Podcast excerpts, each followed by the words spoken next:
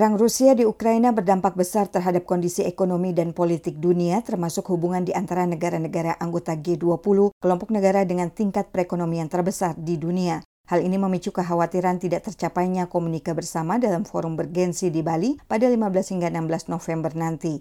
Hal ini disampaikan Ketua Foreign Policy Community of Indonesia Dino Patijalal selasa lalu. Menurutnya yang menjadi resiko terbesar KTT G20 bukan soal siapa pemimpin dunia yang hadir atau tidak hadir, tetapi justru potensi gagalnya menghasilkan komunike bersama. Kenyataannya, dalam berbagai pertemuan working group G20, tidak ada satupun yang berhasil menelurkan suatu komunike.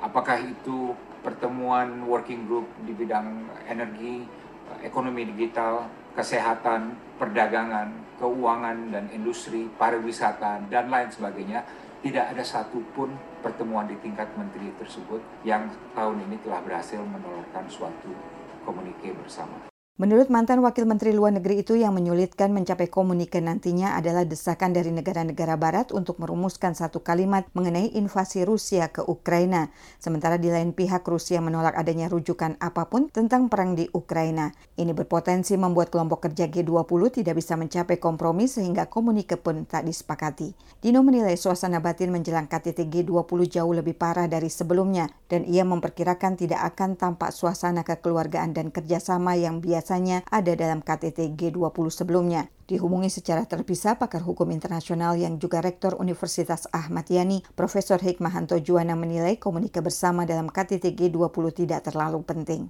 Karena yang penting itu adalah tiga hal. Pertama, kepala pemerintahan, kepala negara hadir.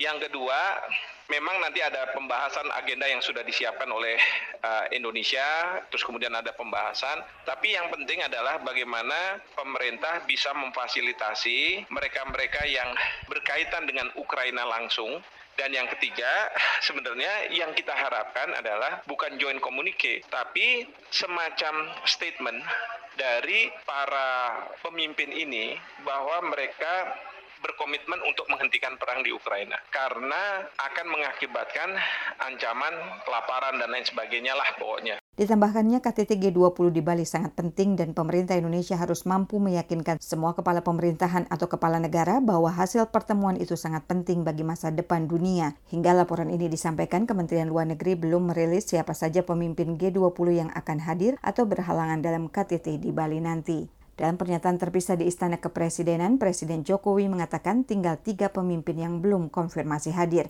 Tetapi ia tidak merinci ketiga pemimpin negara itu. Dari Jakarta, Fatia Wardah melaporkan untuk VOA Washington.